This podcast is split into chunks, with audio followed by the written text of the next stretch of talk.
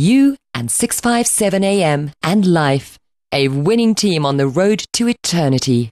Sanibonani sanibonani sanibonani balaleli emakhaya egameni lenkosi yethu Jesu Kristu waseNazaretha siphinde sibonge futhi uNkulunkulu sibonga ukuphila egameni lika Jesu Kristu waseNazaretha eh baningi abantu kade befisa ukulibona usuku lwanamhlanje kodwa ngezizathu ezaziwa uNkulunkulu eh abasekho namhlanje emhlabeni eh ngakho ke singabakhohliwe ke nabo abakhalayo sithi dudu emakhaya egameni lenkosi ethu Jesu Kristu waseNazaretha ngoba sometimes siye siqhubeke thina ngeimpilo zethu eh sikhuthazane thina sodwa eh bese sikhohle ukuthi kukhona abanye njengoba ilanga liphuma abanye liphuma nendaba ezinhle abanye liphuma nendaba ezimbi.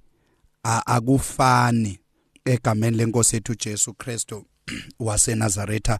Kungakho ke nabo ke siyababingelela egameni lenkosi ethu Jesu Kristu. Sithi uNkulunkulu umoya wakho ingcwele awube nabo egameni lenkosi ethu Jesu. Angazi wayo umoya ingcwele namhlanje angithinta ukuthi eh singabakhohliwe nabo. Sibabingelele egameni lika Jesu Kristu waseNazaretha. Siyabonga kakhulu. Sibingeleleke kubo baba omama insizwa nezintombi omkhulu nabogogo otakalani sibingelele ingcekweni zikaNkuluNkulu abagcotshwa abaphathi beimfihlakalo abaprofeti eh onyawonhle siyanibingelela egameni lika Jesu inceku nezincekukazi zikaNkuluNkulu egameni lenkosi. Siyabonga kakhulu. Lo ngumfundisi umoya weChrist Family Assembly lapha ePretoria eArcadia 515 Johannes Ramkwase Street egameni lika Jesu kanye 36 376 Steve Biko Road e Christ Family Assembly CFA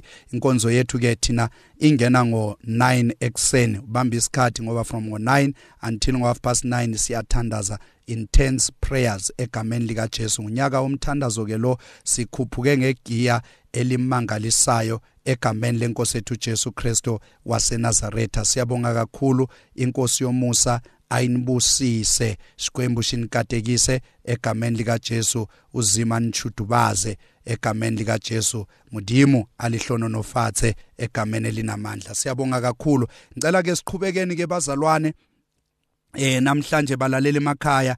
Eh sizofunda nje ku First Kings chapter 17 verse 1 bese siya ku eh chapter 18 bese sifunda uverse eh 40 41 sehle nayo nje kancane egameni lika Jesu ngiqhubeka ke ngendaba yami kaElijah. Bazokhumbula abanye last week besikhuluma ngendaba kaElijah sithi uElijah wayengumuntu efana nami nawe kodwa wathandaza wathi imvula ingani? Yangana for 3 and a half years. Lithi iBhayibheli wabuyela futhi emthandazweni waphinde wathandaza. Lithi iBhayibheli imvula yanetha indlela ongakaze wayibona egameni lika Jesu kodwa now the keynotes to underline ukuthi umkhuleko owenza konke lokhu kwenzeka. Umkhuleko unamandla okuvala umkhuleko unamandla okuvula. Egameni lenkosi yethu Jesu Kristo waseNazaretha. Siyabonga kakhulu. Nawo sizolifunda ke iBhayibheli lithi iBhayibheli eh 1 Kings amakhosi okuqala eh chapter 17 verse 1 lithi iBhayibheli uEliya wasethishibe owayengowabagogobeleyo kwaGiliyadi wathi kuAhabi kuphila kukaJehova uNkulunkulu kaIsrayeli engimi phambi kwakhe.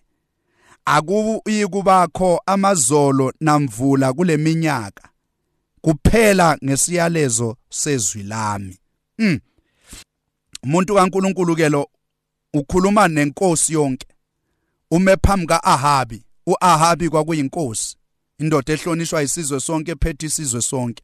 Umprofeti uEli uEliya uElijah ukhuluma naye. Uthi kuphila kaJehova lo engimi phambi kwakhe. Ngoba kubalulekile ukuthi mawukhuluma in authority who is your source? uElijah knew ukuthi yonke into engiyikhulumayo ine backing kaNkuluNkulu. That is why akumelanga uNkulunkulu ugxamalaze akumelanga uNkulunkulu umshebe akumelanga uNkulunkulu eh, eh umxube ngoba ugcina ungasazi kahle hle ukuthi kahle kahle amandla akho amekuphi awu kodwa ngakhuluma namhlanje. Uthi uElijah kuphila kaJehova lo engimi phambi kwakhe.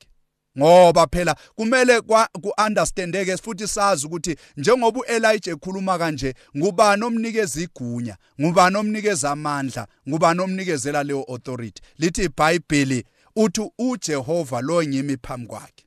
In other words into engiyikhulumayo is not outside the context of of uNkulunkulu. Lento engiyikhulumayo inoNkulunkulu phakathi. That is why umuntu kaNkuluNkulu ungamthatheli phansi especially mayikhuluma wena ulinda ukuthi hayi kuzokhuluma uNkulunkulu lalela. uNkulunkulu ngeke umbone eqhatha ke emazulwini ehambe estradini esakini lapho kanye lapha endlini aqhatha athi nginguJehova mina igama lami. Lalela mntanami yenza u1 no2 no3 lalela angeke uzukubone lokho. uNkulunkulu uvusa abantu bakhe. uNkulunkulu usebenzisa abaprofeti bakhe. uNkulunkulu usebenza sebenza ngeinceku nezincekukazi zakhe. So zenzele ke wena ifavor uunderstand ukuthi uNkulunkulu usebenza kanjani. That is why uElijah nayikhuluma unesibindi esimangalisayo ngoba uyazi ukuthi ngimi emagcekeni eatmosphere kaNkulunkulu. In other words yonke into engiyikhulumayo iyenzeka. Akwenzeki ngikhuluma into ingenzeki ngoba ngiyamazi lo engihamba naye ngiyamazi ongithumile. Uma ngike ngakhuluma yena uya actor that is why igama elithi Jehova lisho ukuthi God in action. Igama elithi Jehova lisho ukuthi uNkulunkulu engenelela. So yikho athi kuphila kuka Jehova in other words uNkulunkulu engenelela. Ngizothi namhlanje Ahab namhlanje kukhuluma mina wena ngiyazi unamandla okukhuluma nesizwe sakho. Uma namhlanje ungathi isizwe sonke asidli akekho umuntu ongadla. Uma ungathi namhlanje isizwe sonke asiye emasimini akekho umuntu ongaya ngoba kukhuluma inkosi. Kodwa khona into onganayo Ahab mina enginayo. Wena ukwazi ukukhuluma nomkhathi noma ungakhuluma nawo ngeke ukuzwe ngeke ukulalele. Namhlanje ngizokubonisa into okade ungakaze wayibona esinayo thina esikuNkulunkulu. Nawu nayo mlalele ekhaya njengoba ngikhuluma kanje iauthority. Ukhuluma nomkhathi uthi kuphila kaJehova lo engimi phambi kwakhe. Akuzi ukunetha akuzi ukuba namazolo akuzi ukuba nemvula iminyaka. Kepha ngezwi lami. Now siya ku verse siya ku chapter 18 ke manje. Chapter 18 siya ku verse 41 chapter 18 verse 41 lithi iBhayibheli sisase lapho amakhosi okuqala. First kings chapter 18 verse 41 landela hamba nami kahle kuze uzokwazi ukuthi eh eh eh ubusiseke kakhulu. So ehlanayo nje verse 41 mhlambe siyoma lapha ku 43 okanye ku 44 lithi iBhayibheli wasethi uEliya kuAhabi khuphuka udle uphuze ngokuba kukhona umdumo wemvula enkulu. Wayesekhuphuka uAhabi ukuba adle aphuze. uEliya wakhuphukela esiqongweni saseKameli wakhothamela phansi wabeka ubuso bakhe phakathi kwamadolo akhe. Verse 43 wathi encekwini yakhe khuphuka ubheke ngasolwandle. Yakhuphuka yabheka yathi akukho lutho. Wasethi phinda kasikhombisa. Verse 44 kwathi ngokwesikhombisa yathi be ifu elwandle lingangesandla somuntu. Wayesethi khuphuka umtshelu ahabi ukuthi bophela wehle funa uvinjwe imvula kwathi ngesikhatshana nje izulu laguqubala ngamafu nangomoya lana imvula enkulu. uAhabu uAhabi wakhwela inqola waya eJezreeli isandla sika Jehova verse 46 senyavala. Sasiku Eliya wabopha ukhalo lwakhe wagijima phambi kuka-ahabi waze wafika ekungeneni kwaseJezreeli now indaba yami yanamhlanje is an extension or in addition to what umpostoli uPaul was saying encwadini kaJames chapter 5 now sesiyakhona ke endabeni ukuthi kwenzakalani kahle kahle. Uma ebopha imvula sizwa uElijah ene conversation ukhuluma noAhab inkosi uthi akuzukunetha imvula izukuna now ngifuna to understand ukuthi immediately eqeda kubopha eqeda kuvala imvula imvula yavaleka. From lelo langa akuzange kwanetha akuzange kwaba khona amazolo. Kodwa ngifuna ukuthi siye ku chapter ku chapter 18 ku verse 41 sehlana siya ku 46 lithi iBhayibheli ngifuna ubuke something. Mase kumele kukhululeke izinto mase kumele kuvuleke izulu linethe lithi iBhayibheli iprocess yokuvuleka kwezinto ayizange ifane neprocess yokuvaleka kwezinto. Yebazalwane kunjalo ke that is why umangala isiqalekiso siyashesha ukusebenza kunesibusiso. Uthini namfundisi umoya? Into ekhulunyiwe kwathiwa wena ngeke uphumelele. Wena ngeke usebenze wena ngeke ushade wena ngeke uyithola ipromotion. Sizoke sibona ukuthi uzophelelaphi lawo mazwi ashesha asebenze ngalelo langa kukhulunyiwe ayasebenza. Kodwa lalela ke nase kumele imvula ivuleke. Lithi iBhayibheli kwabiza ukuthi uElijah ubuyela futhi ukhuluma noAhab uba neconversation efana uthi lalela ndoda la kukhona into ezokwenzeka. Imvula izonetha imvula enkulu kodwa lithi iBhayibheli mayiqeda ukukhuluma noAhab wakhuphuka wayentabeni yaseKameli la afika khona waguqa phansi wagebisa ikhanda lakhe walifaka phakathi kwamadolo akhe wathandaza Now lithi iBhayibheli wayengahambi yedwa kuElijah kwakukhona inceku yakhe ayehlala ehamba nayo. This man was so loyal wayemseva. Wayengamkhulumi kabi uElijah, wayengamhlebi, wayemvikela uElijah. Ngathi uNkulunkulu angasivusela abantu abanjalo akuvusele nabangani abanjalo. abazoma nawe ngisho noma usemthandazweni bona baloke bayokuhlolela baloke bayokucheckela ukuthi Nkosi yami eh, i-email ngabe seyithunyelwe yini? Ngabe seyikhona yini impendulo? Ngoba lithi iBhayibheli uElijah wayefocus emthandazweni. Lo inceku yakhe yona yayifocus kuma results uElijah uthumela lenceku yakhe uthi gijima uye ngasolwandle uyobheka ukuthi ubonani. Naw le ndoda nayo mayifika olwandle iyafika ibheka phezulu esibhakabhakeni ayiboni lutho ibuyela nempendulo as honest as it is uthi baba noma uthandaza kwenzeki lutho. Hey ave kubuhlungu uthi uyathandaza uyinceku kaNkuluNkulu incekukazi uthi uyamthandazela umuntu abuye next week or next month athi baba selokhu wathandaza kusasenjalo. Kodwa nanga umuntu kaNkuluNkulu uElijah kazange abe discouraged. Ukuthi isimo salomuntu asishintshi lento okumele ayibone lento okumele ayiphathe akayibona akayiphathi. Kodwa waqhubeka yena eku assignment yomthandazo. Lalela wena mlaleli ekhaya. Asiyeke ukuthandaza until sesibambe ngezandla lento asiyeki ukuthandaza sigive up until ipromotion sesiyithole asiyeki ukuthandaza until abantwana bethu baze baphumelele. Asiyeki ukuthandaza mntanami until leyo bazari sesiyifumane. Asiyeki ukuthandaza leso sifo lokho kugula kuze kunyamalala emzimbeni.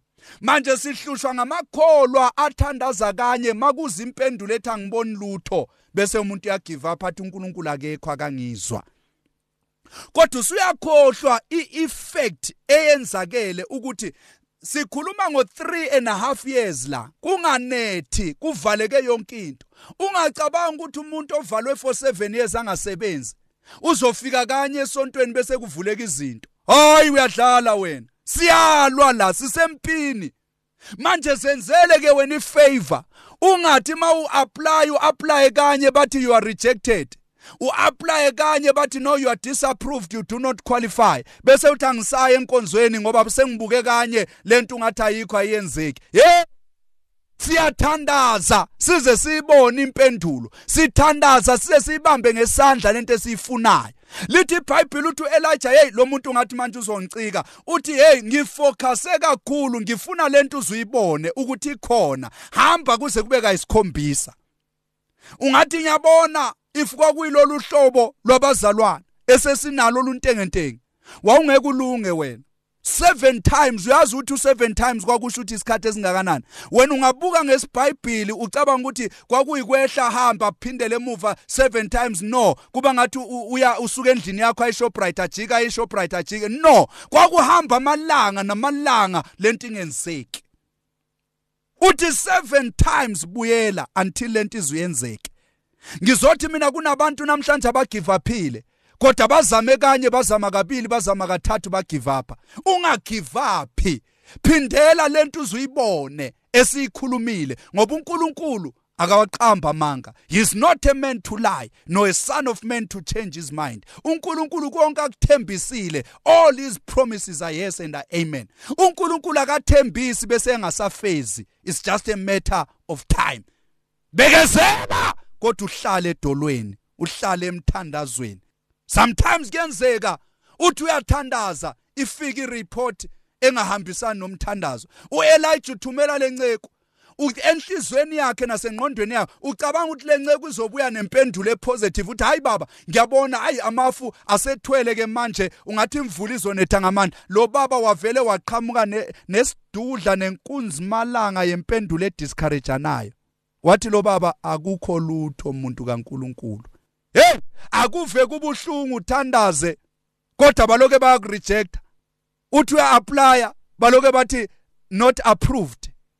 Uthi uyanokha eminyango bathi sobuya sikufonele. Uthi uyazama ama-relationship ufuna umshado wonke aphelele emoyeni. Uthi uyazama ipromotion bathatha umuntu wangaphandle afika azokuphatha. Okwesinye isikhathi kuvele ulo muntu omtrenile wena umsebenzi afika aphathe wena. Kodwa lokhu usemthandazweni nethi ireport oyitholayo ithi akwenzeki lutho. Naw lithi iBhayibheli waqhubeka umuntu kaNkuluNkulu. Wathi ngiyamazi umhlengi wami. Ngathi ngiyambona uElijah khona into eyodwa ayeseyitshele yona ukuthi uNkulunkulu akawaqamba amanga. Hayi mntanami sometimes ukuthi noma kungenzeki lutho nempendulo ungayiboni bamphelele ezwini likaNkulunkulu elithi uNkulunkulu akayena umqambi manga. uNkulunkulu ngeke akhohlise uNkulunkulu ngeke aqambela amanga konke akuthembisile. Kuzokwenzeka it's just a matter of time. Kuzokwenzeka! Kungenzeka kwenzeke usaqala. Kungenzeka kwenzeke ngokwesithathu kungenzeka kwenzeke ngokwesi5 kungenzeka kwenzeke ngokwes6 kodwa restly assured wena phindela. Sengathi umuntu kaNkuluNkulu wayethi ungagive up sisemthandazweni? Ukuvala kulula kunokuvula. Hayi abangizwanga abantu. Ngithi mina ukuvala kulula kunokuvula. That is why sometimes kube ngathi umbuso obumnyama uyawina ngoba uma beke bakuvala ubona ama after effects akhona yenzeka njengamanje. Kodwa wena uthandaze uncenga uNkulunkulu uthi inkosi ngifuna ukuphuma esimeni. Umangala isimo asihlehli siloke sikubuke ngamehlo. Ngoba iprinciple ithi ukuvula akufani nokuvala. Sibheka iminyaka ukuthi lento evaliwe yavaleka iminyaka emingakanani. La kwakuvalwa imvula for 3 and a half years kunganethi. So you can uh, understand the effect yayisikhona emhlabeni okanye kuleyo ndawo okanye esizweni sakuleyo ndawo. Ukuthi kwase kunendlala la inkomo zase zifile la izilimo emasimini kwakungasalinywa emasimini. So isimo esinjengaleso angeke usikhiphe ngosuku olulodwa. Kuzomela unyamezele emthandazweni. Wanyamazela emthandazweni uElijah wavula kwaze kwavuleka.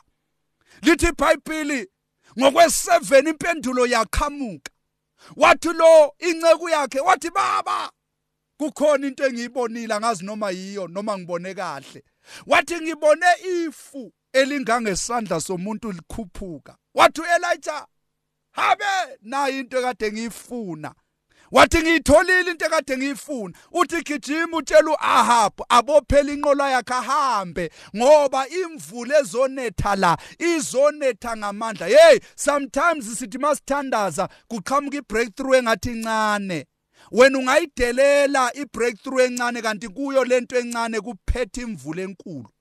Uma ngabe uElijah okanye lenceke yayizobheka ifu elingangesandla somuntu yayizoba discourage isengithandaze kangaka. Kodwa bese kuqhamuka umsebenzi. Sengifunde kangaka ngaba nama degree angaka kodwa bese kuqhabuka isimo esinjengalesi. Bese kuqhamuka umsebenzi onjengalo bathi angiqale njenge cleaner hayibo mina wonke lo muntu onama degree hey sometimes kulelofu elincane kunemvula enkulu. That is what uNkulunkulu do not despise little things out of them comes huge things. Khona abantu abahleka abantu besaqala bengazi ukuthi lento in 5 years in 10 years time izoba yona ezodla umhlaba wonke. Bayeke bakuhleke ngoba ba understand ukuthi kuso leso kulo lelofu elingangesandla somuntu kunemvula enkulu.